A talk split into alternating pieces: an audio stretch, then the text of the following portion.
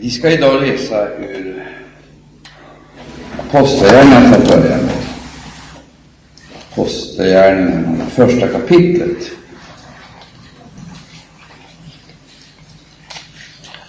Så ska vi där påminna varandra om en vers. Jesus säger så här, i den eh, fjärde versen, den femte versen som är särskilt spännande stannar inför. När han då var tillsammans med dem bjöd han dem och sade, lämna icke Jerusalem, utan förbi den där vad Fadern har utlovat, det varom ni har hört av mig. Ty Johannes döpte med vatten, men få dagar härefter skulle ni bli döpta i helig ande. Det är den femte versen jag särskilt vill påminna om. Eh, ty Johannes döpte med vatten. Det var en historisk verklighet, vad Johannes gjorde. Självklart hade det betydelse. Alltså handlar det om ett steg in i den frälsning Gud har berättat. Kommer Jesus och förkunnar. Men få dagar härefter skulle ni bli döpta i helig ande. Pekar han på en fortsättning, en naturlig och logisk konsekvens av den händelse som inledde den här efterföljelsen började, det fortsatte, det utvecklades. Jag tror att man måste ha det här perspektivet, att det är frågan om nödvändiga erfarenheter för att komma vidare. Nödvändiga erfarenheter för att komma vidare. Det finns inga undantag. Så att man kan tänka så att det här gäller väl de flesta, utan det gäller alla. Det gäller varenda en. Läser vi eh, i eh, Apostlagärningarna lite längre fram så ser vi hur det här, hur det här skedde, hur, de, hur det blev deras erfarenhet och upplevelse. Så står det i Apostlagärningarna 2, och där heter det i den fjärde versen, de blev alla uppfyllda av helig ande och begynte tala andra tungomål eftersom anden ingav dem att tala. De blev alla uppfyllda av helig ande och började tala andra tungomål eftersom anden ingav dem att tala. Och själva inledningen till det här, både med avseende på den första, det första kapitlets undervisning och sedan det andra kapitlets erfarenhet, så börjar det så här. När han då var tillsammans med dem. När han då var tillsammans med dem bjöd han dem och sade och så vidare. Och i det andra kapitlet, där heter det i, den första versen, när sedan pingstdagen var inne vore de alla församlade med varandra. De vore alla församlade med varandra. Och det här kommer igen åter och åter igenom rakt genom hela Nya Testamentet. Det är frågan om Guds folks församlande, att komma tillsammans. Det här är faktiskt något helt grundläggande, därför att alla splittringstendenser och söndringstendenser har ju en av sina grundorsaker i det här att man, eh, så att säga, istället för att komma tillsammans distanserar sig från varandra. Det kan vara olika orsaker till det, men det är alltid lika tragiskt när så sker. Man måste komma tillsammans. Och det är helt uppenbart att varje församlande i, det här, i den här meningen, det kräver ju en förberedelse. Man måste komma tillsammans förberedd. Det är eh, kanske inte det är kanske inte någon, något predikotema i och för sig, men det är en nödvändighet att man ständigt aktualiserar församlandet som är förutsättningen för Guds uppenbarelse. Det är faktiskt förutsättningen. Genom hela Nya Testamentet så ser vi det. De kom tillsammans två och två, eller flera. De kom tillsammans för att bryta brödet. De kom tillsammans för att lova och prisa Gud. De kom tillsammans för att gemensamt bära fram sina böner och sig själva. Jag skulle nästan vilja påstå att de kom tillsammans för att inte bara mötas, de kom tillsammans för att kunna leva och fungera. Och det är ju helt tydligt att det här är en nödvändighet därför att gåvorna som är givna, de är ju givna till församlingens uppbyggelse. Det är alltså församlingen som genom de här gåvorna ska uppbyggas, utvecklas, förnyas. Därför så säger också Bibeln att om ingen uttydare är till stedet, alltså med avseende på gåvorna, då måste man så att säga, då, då kan man inte tala i tungor i överensstämmelse med mönsterbilden. Det är alltså någonting som fattas, därför att det är en bärare som saknas. Ska det bli en fullödig uppenbarelse utav Andens liv, då måste gåvorna vara representerade. Och gåvorna är ju inte representerade i traditioner, utan vi, du och jag, är bärare utav dessa gåvor. Och de är ju många. Vi kan väl tänka det, om vi börjar skära bort något utav denna uppenbarelse, så kan ju inte leda fram till någonting annat än en uttunning. Eh, det blir alltså en andefattigdom som blir ödesdiger för församlingen. Och det är det som gör att församlingen blir avväpnad. Den blir avväpnad istället för detta eh, så möter vi då eh, ersättningarna som kommer i form av spiritistiska manifestationer, ockulta eller någonting annat. Det behöver inte röra sig på just det området, men vi förstår och ger att det kommer alltid att leda fram till ersättningar. Och dessa ersättningar är alltid lika allvarliga eftersom de eh, anger en ny och felaktig inriktning. Bibeln säger alltså alla blir fylla av den heliga Ande, stämmer det? Och de kommer tillsammans för att förnyas i detta och för att utveckla detta. Alltså utveckla tillsammans. Och det har flera dimensioner, om jag får uttrycka mig på det sättet. Och, många områden som gör att gudstjänstlivet blir variationsrikt, inte enahanda, monotont och tråkigt. Undervisningen blir levande och den blir, den blir angelägen därför att människorna är mycket, mycket mycket måna om att få höra, få veta, få kunskap om för att på det sättet bli bättre skickad att utföra det underbara verk som vi är uttagna för och utvalda till. Pris Om vi nu går vidare i Apostlagärningarna så upptäcker vi att Jesu ord förverkligas, det gick alltså uppfyllelse. Och så kommer nästa fas i den här processen då frågor ställs av olika orsaker. Därför att det var en konfrontation. Du ska veta, det var en konfrontation mellan olika världar. Oförenliga Så blev det en väldig spänning. Därför att gång på gång så visade det sig att det finns, det finns en tendens hos oss att återvända till ett gammalt mönster ett gammalt beteende.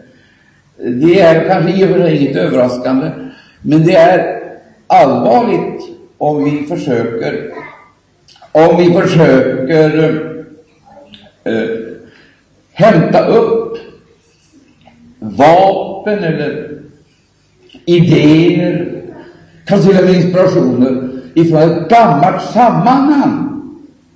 Frestelsen är uppenbar. Den är helt uppenbar. Men om vi försöker liksom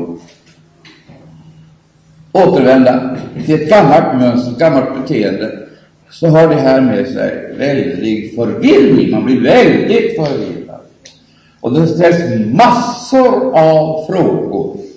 frågor som det inte är så lätt att besvara alla gånger, därför att det här som liksom pockar på uppmärksamhet, det är ganska, det är ganska Eh, eh, engagerande, det vill säga det, det, det passion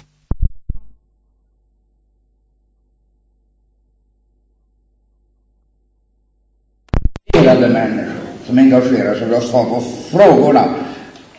Man, vill, man hävdar vanligtvis att det är frågan om sanningens krav. Men du, om vi nu går till Apostlagärningarna, Apostlagärningarna igen, lite längre fram, och så ser vi i det sextonde kapitlet, eller eh, i det, vi kan läsa det nittonde kapitlet, i det nittonde kapitlet eh, i Apostlagärningarna, där heter det så här i den första versen.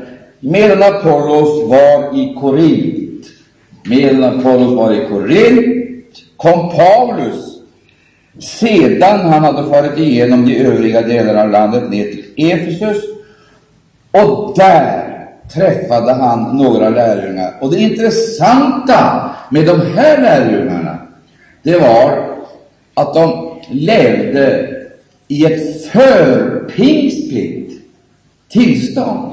Alltså, anden var utgjuten över församlingen, men de här lärjungarna, de levde kvar i ett förpingstligt tillstånd. De representerade, ska jag kalla det för en, eh, en, en förapostolisk, ett förapostoliskt lärjungaskap. Det vill säga, också efter pingsten, efter Andens utgjutelse, så kan man leva i ett förpingstigt tillstånd. Och det är många som gör det. Väldigt många som aldrig kommer fram till den här erfarenheten eller den här upplevelsen. Och vi tänker oss i det här seklets början, alltså i det seklets början som nu håller på att gå mot sitt slut, så var det stora teologiska frågor som debatterades. Väldiga frågor. Det vill säga, då blev andeutgjutelsen en teologisk knäckfråga. Man diskuterade praktiskt taget över hela världen och i många stora mäktiga konferenser det här om anden, andens utgjutelse och andens liv. Och så slutade det oftast med att man fattade posto mot den heliga Och det gjorde man av flera olika orsaker, teologiska men också av andra orsaker. Man pekade på olika missbruk som det fanns alltså belägg för och så visade man att de här missbruken Eh, eller det här förhållandet var av sådan karaktär att de, för att eh, göra det hela så enkelt som möjligt, avvisade, de avvisade helt enkelt det här om Andens liv och Andens uppenbarelse, vilket realiteten innebar att många stora samfund och församlingar, de levde kvar i en andlig torka.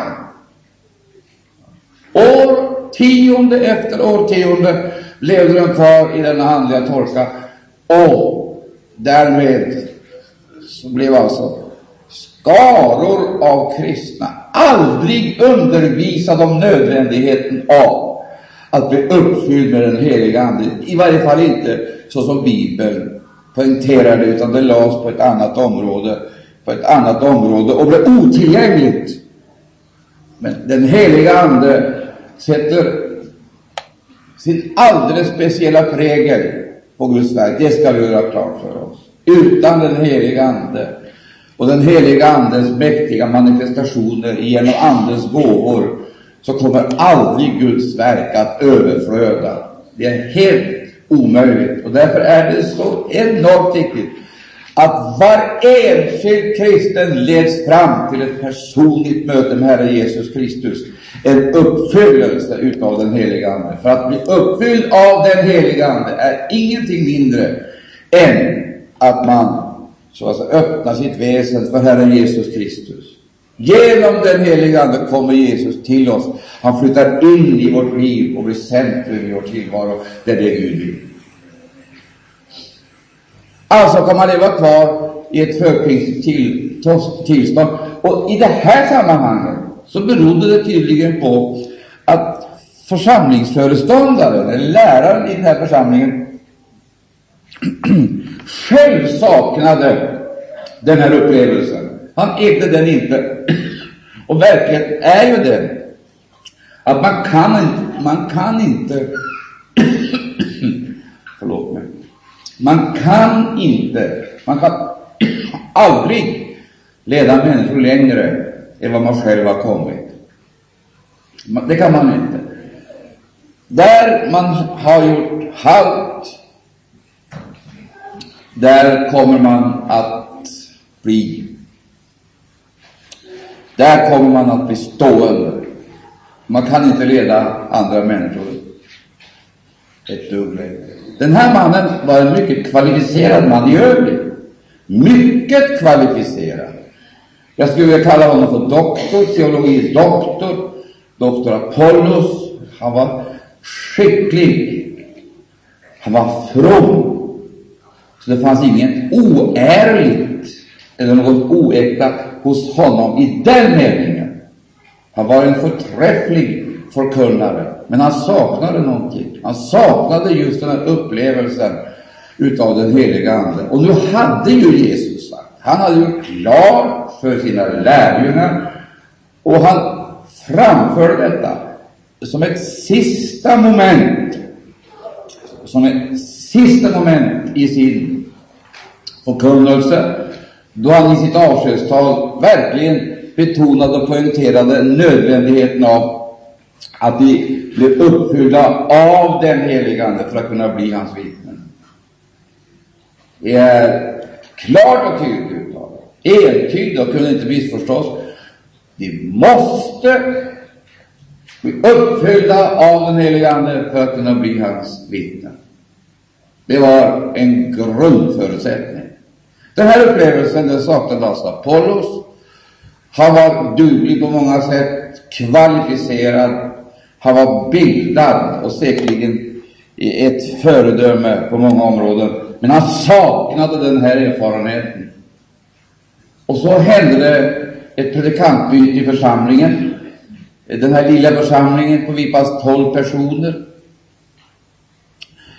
Och då, när denne nye predikant, som ju var, var Paulus, kommer till den här gruppen av lärjungar, då ställer han frågan som är en kardinalfråga. Den är viktig, den är angelägen och den måste besvaras klart och tydligt. Han frågade dem helt enkelt undfingen i helig ande när det kommer till tro.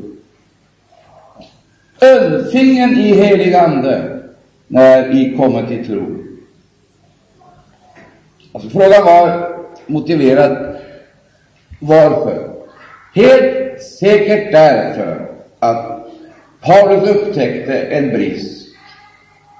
En brist som gjorde sig, eh, gjorde sig tydlig och han observerade eh, i deras gudstjänst, i deras tillbedjan. Det var någonting som saknades. Och vad tror du det var som saknades? Vad kunde det vara som saknades? då de här syskonen samlades. Vad tror du?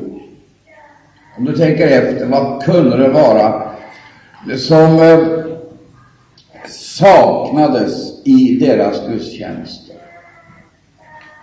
Gudstjänsten var naturligtvis inte betydelselös, utan värde. Men det var någonting som fattades, någonting som måste till. Och vad var det för någonting? Ja, man kan ju, man kan ju tala om Andens liv. Andens liv. Och jag vill verkligen understryka Andens liv. Och vi vet att Anden manifesterar sig, den synliggörs, den uppenbarar sig genom redskap, den kanaliseras in i gemenskapen, och det är helt tydligt och klart att det är Anden som skapar den rätta atmosfären, som förtätar atmosfären. Andens liv det betyder ju ingenting mindre än Guds närvaro. Det är Guds närvaro och det är ju heller ingenting som egentligen i realiteten kan ersätta detta. Och detta Andens liv, det är alltså en förutsättning för att vi ska kunna leva, just leva och tjäna. Därför ställer han frågan, undfingen ni heliga? Och den frågan tror jag är lika viktig idag, eh, att man inte accepterar att någon överhuvudtaget lever kvar i ett förkristligt tillstånd utan denna personliga erfarenhet, detta personliga mottagande utav den heliga Ande. Nu vet vi att det finns olika händelser, punktuella erfarenheter eh, som är nödvändiga för att detta eh, Andens liv ska överflöda och en av de här tydliga manifestationerna av detta inneboende Andens liv, det är ju gåvorna. Tungotal, uttydning. Vi skulle kunna säga så här. Det hördes inget tungotal. Det fanns ingen uttydning. Det saknades profetia. Det är oerhört angeläget att detta finns. Eh, det, det, det var också andra viktiga ting som eh, uppenbarligen inte fanns och som han kände, aposteln, när han kom dit, att här är det en brist på, eh, på viktiga områden som måste tillgodoses. Och jag säger det igen, tungotalet, uttydningen, profetian. Och Paulus var så mån om det här så han, då han skriver till Korintierna så säger han att när er önskan eller målsättning är att detta ska överflöda, Andens gåvor, då ska det inte bara existera, de ska överflöda. Och då går Bibeln ännu längre. I undervisningen i testamentet får vi veta att varenda en, varenda en har alltså genom detta andedop fått en andlig gåva. Och denna gåva, den ska användas. Det är ett oerhört brett område. Det är inte frågan om dessa eh, gåvor allena som jag nämnt, utan det finns gåvor om trons gåva, exempelvis, vad den är viktig. Det finns eh, andra gåvor där Andens liv manifesterar sig i form av helbrägdagörelse. Frågan om visdom och kunskap. Plocka bort det här bitvis.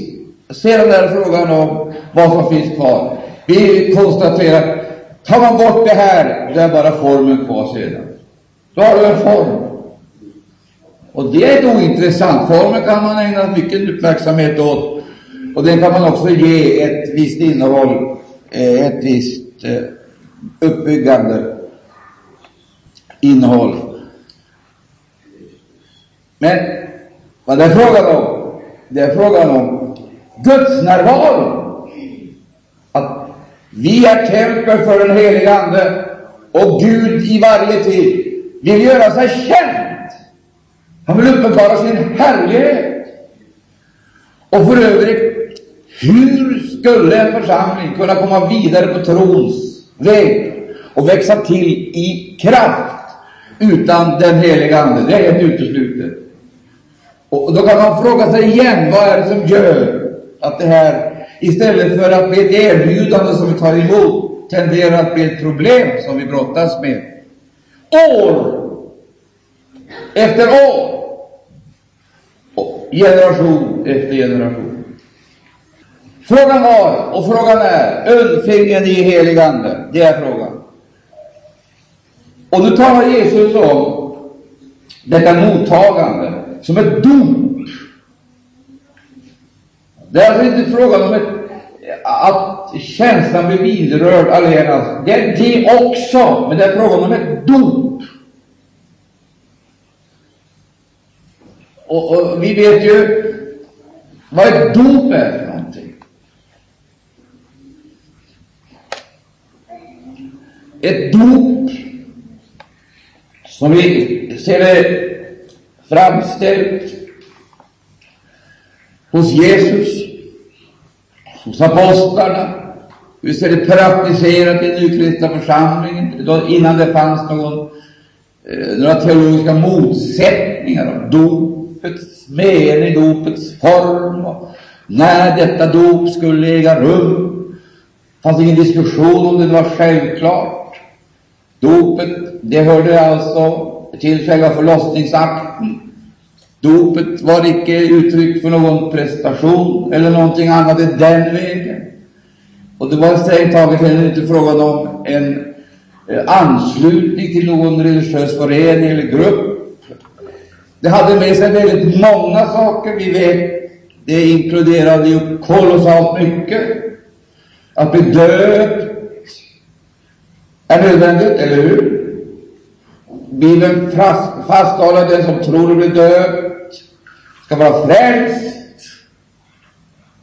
heter det, i diametral motsats till den som underlåter att lyda, följa och överlämna sig åt Herre Jesus Kristus i detta dop.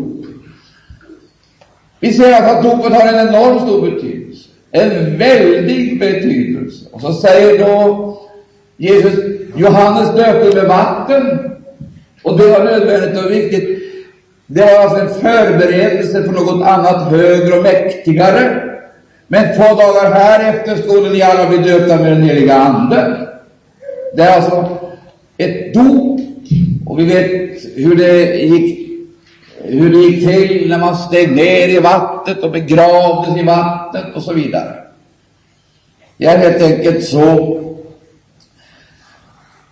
dopet gick till.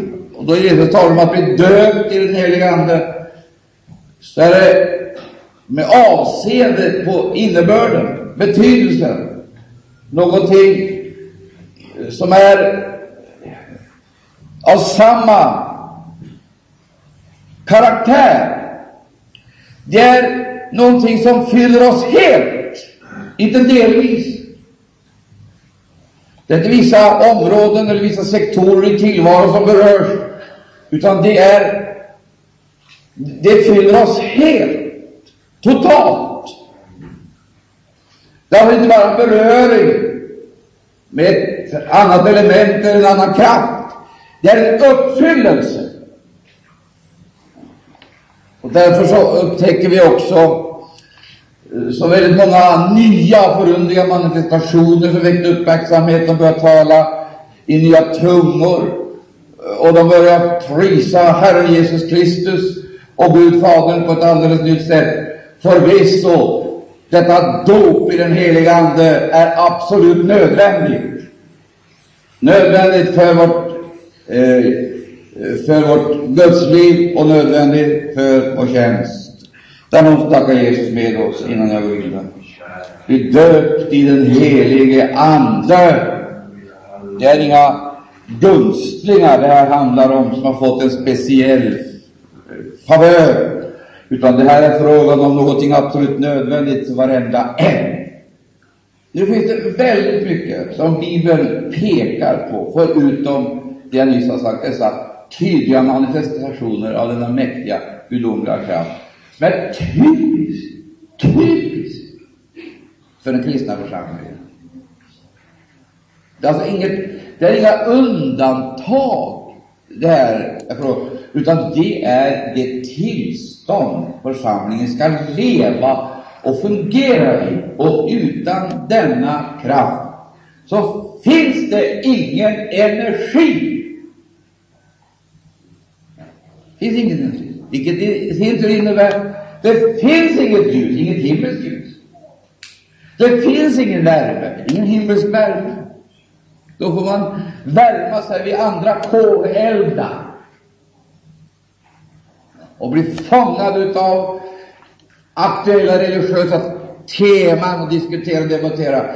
Men Gud har aldrig gett oss uppdraget att diskutera och debattera religion.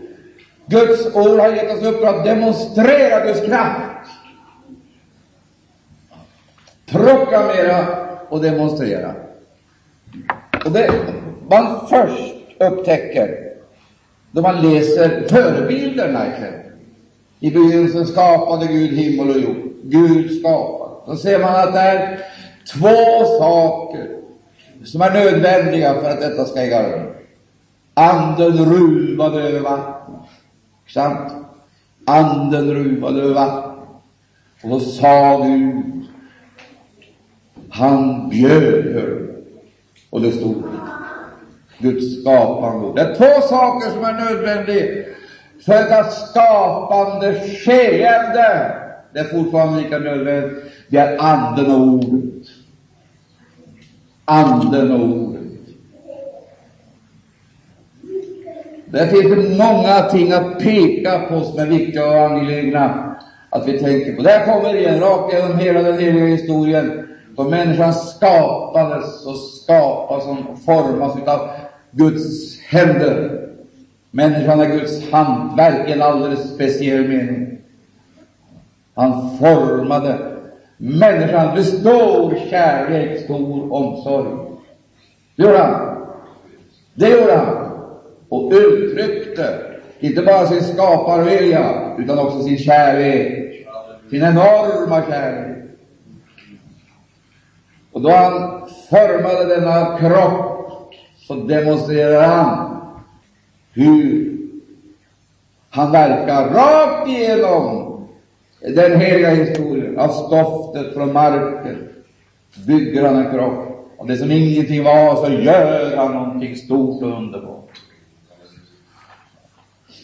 Tyckte inte har någon betydelse som betraktas som föga eller av intet värde, det tar han hand om. Och man får det. Och så formar han det. Och då detta hantverk är färdigt, du min älskade vän, då detta är färdigt, då du är färdig, formad av hans händer, då kommer det här som skulle ge den här kroppen liv, kraft. Han blåser livsanden in i den här kroppens näsa och därmed så får kroppen liv. Vad handlar det om? Guds ande. Samma sak, samma sak sker då Jesus efter sin död möter sina lärjungar. Han andas på dem. Han andas på dem och då säger han tagen emot den heliga Ande. Och det ligger inte bara stora symboliska värden i det här. Det finns också en väldig kraft i det som sker. För att från det ögonblicket så hände det någonting. Någonting. Från det ögonblicket så fick faktiskt den nya kroppen liv. Och jag tror att själva barnaskapet hos de enskilda lärjungarna, apostlarna, kan härledas just ifrån den tidpunkten och det tillfället då Jesus blåste livsanden in i deras näsa och sa tagen emot den helige Ande. Där har vi det ögonblicket då barnaskapet upprättades, det vill säga lärjungaskapet, barnaskap. Och sen kommer pingsten, då barnaskapet blir tjänst. Ett nytt väsen, en ny ande och en ny härlighet. Jag tror, tror du det, så säger jag amen. Här har du hela hemligheten. Hur ska vi kunna fungera utan detta? Det är helt uteslutet. Nå, jag vill emellertid betona en sak till här idag. Detta att de övriga förebilderna som möter oss oupphörligt i Gamla testamentet, som ständigt pekar framåt mot uppfyllelse, då det som har talats, då det som har förkunnats, då det som har blivit kungjort skulle bli synliggjort därigenom att Gud tog ut ett folk, tog ut ett folk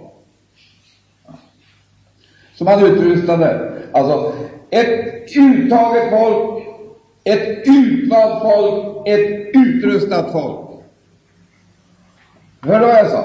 Då Gud tog ut det här, så tog han ut det. Jag vågar påstå, det är handplockade människor. De har aldrig frälst i kollektiv, utan en och en har de mötts av en personlig kallelse. Och detta skulle aldrig ha kunnat ske, aldrig ha kunnat ske, om inte den heliga Ande hade blivit utgjuten och helt utesluten. Och det var just det Jesus undervisade om, nödvändigheten av att den heliga Ande blev utgjuten. Absolut. Då han pojkade, jag kommer till er. Och så förkunnar han att då Hjälparen kommer, då han kommer genom Hjälparen, den heliga Ande sålunda, som var sanningens ande, den ande som världen inte kunde få. Världen ser honom icke, hör honom icke. Världen är blind för den heliga Ande. Världen är död och stödd för den heliga Ande. Det är faktiskt fråga om anden, anden, Guds ande och världens ande. Det är detta som är den fundamentala olikheten. Församlingen är uppfylld, stämmer det, av Guds heliga Ande och skiljer sig från alla andra kollektivgrupper av religiös, socialpolitisk eller annan karaktär. Skiljer sig från just därigenom att var och en särskilt har en personlig upplevelse utav den heliga Ande. Först till på nytt födelse och sedan till ett, en uppfyllelse till ett överflödande Guds liv i tjänst för honom. Det är helt enormt! Jag vill betona det här en gång till. Skillnaden består i just detta, att vara en särskild, ölsingen i heligande, så är det kom till tro. Lever i Anden, eller lever i ett förpingstligt tillstånd? Eller är det så att ni lever i ett efterpingstligt tillstånd, att Anden har blivit bedrövad och dragit sig tillbaka? Det kan också vara en situation som är om möjligt ännu bedrövligare. Vi ska inte gå in på det nu, jag bara konstaterar att den heliga Ande är utgjuten. Den heliga Ande verkar. Och himmelens Gud förväntar sig att du ska bli uppfylld, vara uppfylld. Att du ska vara utrustad med en Andens gåva så att du kan vara med och uppbygga församlingen så den fungerar. Jag känner att jag måste sluta. Men jag, jag, jag måste ha med en sak till som är så gripande och som jag tror är nödvändigt att betona. Det finns en förebild som kanske mer än någon annan åskådliggör åskådliggör den här personliga, levande kontakten, detta intima gudsliv och gudsförhållande som gör att fastän vi är på jorden, i tiden, uttagna, utvalda och uttagna ur världen, så finns vi här. Vi finns här. Som, ett, som en andlig maktfaktor med enorma styrningseffekter. Och det tänker vi inte alla gånger på, därför att vi brukar eh, alldeles för ofta kapitulera för tidsanden eller resignera för attacker och motstånd vi utsätts för. Vi tycker liksom att vi inte betyder någonting, att vi inte kan någonting av allt detta som gör att människor hamnar i missmod och känner sig odugliga för allt gott verk. Det är Satans metod, att få människorna ner i passivitet och vanmakt. Han attackerar ditt sinne. Han attackerar dig med tankar och argument som verkar helt gastkramande på ditt andliga liv. Du ser människor och omständigheter som är en dementi på det du tror och förkunnar. Bedja när det ska vara givet. Sök när du skulle finna klappen och det ska vara upplåtet. Du har bett länge och inte fått bönesvar. Du har sökt länge och tycker inte hitta fram. Du har klappat på och du tycker att det är ingen som lyssnar, uppmärksammar din nöd och din din eh, vånda. Det är fel! Det är fel. Det är bara att vi upptäcker inte alla gånger. hur Gud verkar. Vi ser inte hur han verkar. Men han verkar. Om han inte kommer förrän i fjärde nattväkten, den sista nattväkten, så ska du veta, han kommer aldrig för sent. Och då han uppenbarar sig så visar det sig alltid att han kom i den rätta tiden. Det var inte den tid som du tyckte var rätta, men det var den rätta tiden.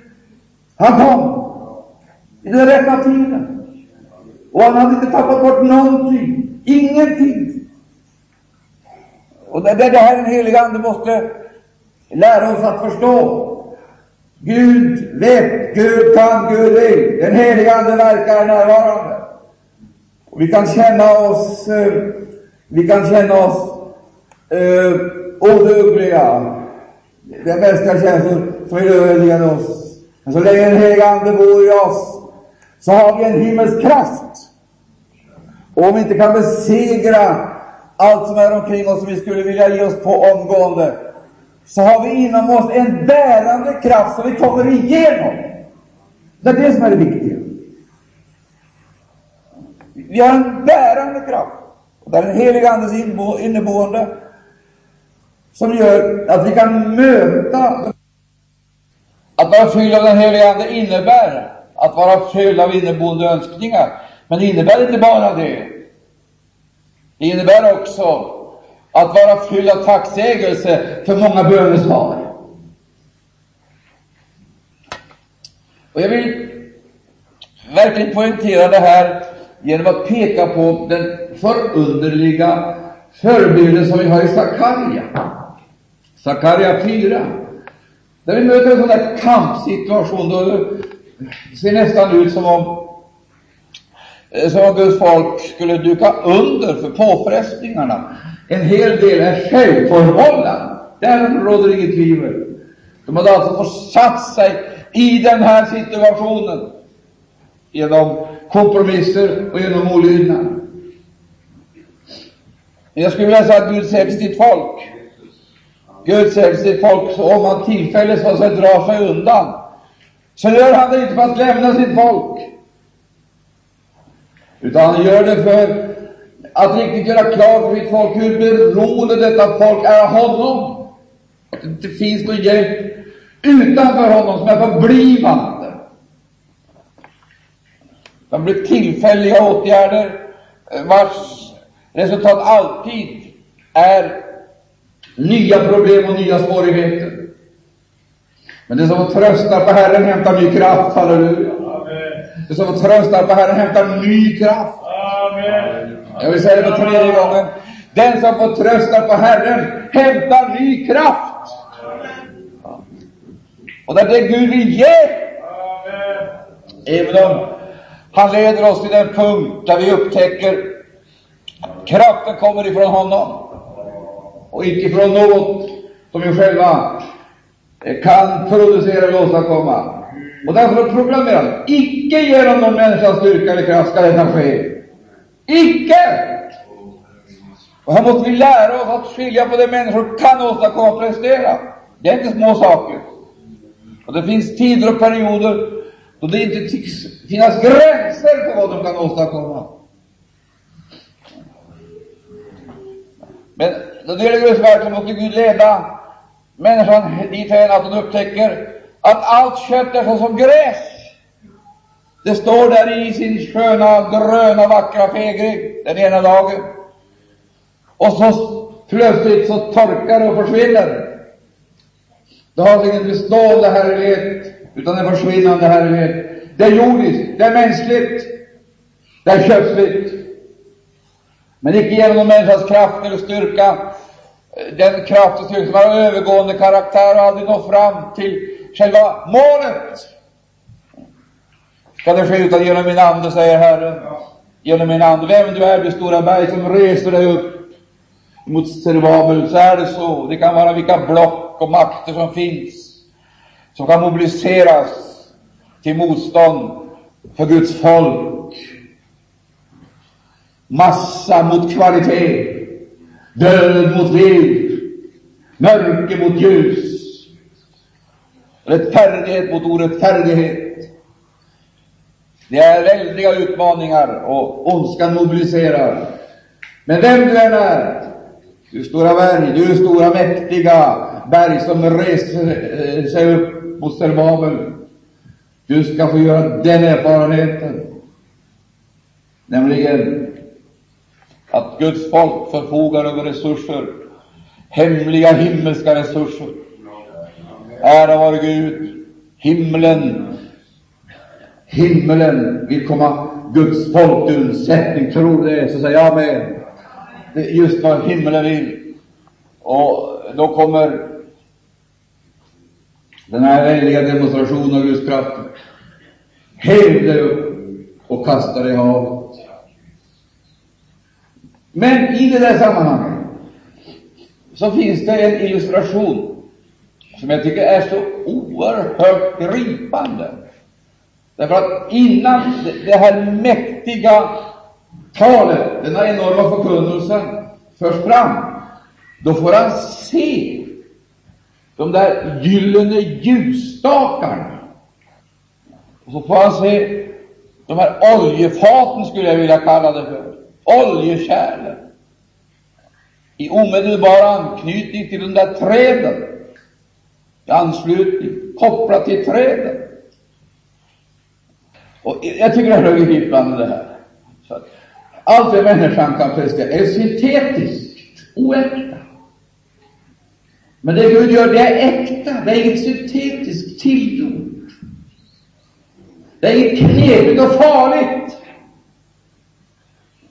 Du ser, från trädet, ned i, genom rören och till lampan. Där har du ursprunget, det himmelska ursprunget, som börjar för äktheten. Och Det är väldigt viktigt att betona det. Vi är, vi är utan skadeeffekter, skadeverkningar. Pris Gud. Pris Gud. I vår tid diskuterar man hur man ska få värmen, energin att räcka till. Du vet ju det. Det är risk med kärnkraft och det är risk med eh, olja, det är risk med alla de andra eh, energiarterna. Det är risker. Och det vet vi att riskerna är så allvarliga så att de kan leda till död. Riskfyllda energikällor. Men människan måste anlita dem. Hon måste anlita dem. För att hon tror att det är nödvändigt för att hon ska kunna bibehålla sin standard och överleva materiellt. Men kära du, församlingen, ära vare Gud och Lammet, har direkt förbindelse med den värld. Får jag använda uttrycket, det finns, det heter det pipeline, som går rakt genom hela Europa. Det flödar olja ifrån Nordsjön och andra ställen där man eh, så att säga tar upp och eh, eh så att säga skickar dem igenom sina raffinaderier och så vidare ut över hela världen. Det är pipeliners som då skapar förutsättningar för ljus, värme och annan energi. Förlåt uttrycket, men jag känner en himmels pipeline som har en upprinnelse i himmelen, där det finns överflöd som skickas ut över jorden ut över jorden till församlingen. Församlingen är mottagare av himmelsk energi så att den kan lysa. Mottagare av himmelsk energi så att den kan värma. Blir mottagare av himmelsk energi så att den kan leva ett överflödsliv i gemenskap med honom. I tiden, på jorden, men av himmelen. Och det är just det här som är så viktigt att vi kan få in det här i församlingens liv. Det kan vi aldrig få om det finns några som saknar den här erfarenheten, kontakt med kraftkällan, uppfylld av den heliga Ande för att fungera i överensstämmelse med utväljelsen Så att inte vi stannar, utan växer till i kraft, växer till i tro, växer till och växer upp till manlig mognad, upp till huvudet som är Jesus Kristus. Bli fylld av den heliga Ande. Broder, jag säger dig, bli fylld av den heliga Ande. Bli fylld av den heliga Ande. Det är ett livsvillkor. Och saknar vi detta andens liv, då är vi egentligen en dementi. Går omkring och dementerar den verklighet som möter oss i skriften. Vi dementerar Jesu död, vi dementerar hans uppståndelse. Vi dementerar hans tillkommelse genom andefattigdom. Och vi är tvingade att mätta våra andliga behov med något annat med förödande och nedbrytande för vår egen andliga människa och som är som en epidemi eftersom det smittar alla andra med sina skadeverkningar och effekter. Är du inte uppfylld av den heliga Ande, min älskade vän, talar sannolikheten för att uppfylla världens ande. Det är Jesus Kristus som strålar ut i ditt vittnesbörd, utan det är en antikrists ande, och du kommer att personifiera denna antikrist som nu är mäktigt verksam i världen. Men himmelska kraften, den verkar idag. Han ska utgjuta sin ande över allt kött och framförallt ska han göra det i den yttersta tiden, Så detta trängda folk som vill tjäna honom, följa honom, vänder sig till honom för att utrustas för det heliga uppdrag och för det martyrskap det är kallat att leva i och förverkliga i tiden. Vänner, vi måste bli uppfyllda av den heliga Ande. Förnya den heliga Ande. Vi måste uppliva de nådegåvor som är nedlagda i församlingen så att de kommer i tjänst. Sist och avslutningsvis. Utan den Ande finns det ingen glädje. Ingen glädje. Barnaskapets ande, det är en livsyttring av glädje. Prisat vare Herrens underbara namn. Det finns klara och tydliga exempel på detta. När man blir uppfylld av den heliga Ande, då upplever man en himmelsk glädje, och den är odefinierbar, den är outsäglig, härlig. Det går att definiera. Den finns där som en beskyddande kraft. När man utsätts för svårigheter så finns det en flod, en underflod, en ström av glädje och frid genom den heliga Det är din egendom. Du vill ge dig denna gåva för att du kan sprida detta liv och leva det i innerlig och sann gemenskap med honom. O syskon, måtte vi alla bli uppfyllda av den heliga Ande. Leva i den Ande, tjäna och verka i den Ande. Då ska den Ande som uppväckte Herre Jesus Kristus från de döda också göra våra dödliga kroppar levande. Så att vi i ett enda ögonblick ska förvandlas. Gå för att möta honom som har köpt oss åt Gud med sitt eget blod. Vi tackar dig, kära Herre Jesus Kristus. Vi prisar dig, Herre Jesus Kristus. Hjälp oss att förstå nödvändigheten bli uppfylld av vara bärare. Verkligen vara bärare, kära Herre Jesus. Hjälp oss. Halleluja, halleluja. Hjälp oss, Herre. Tag emot, sa.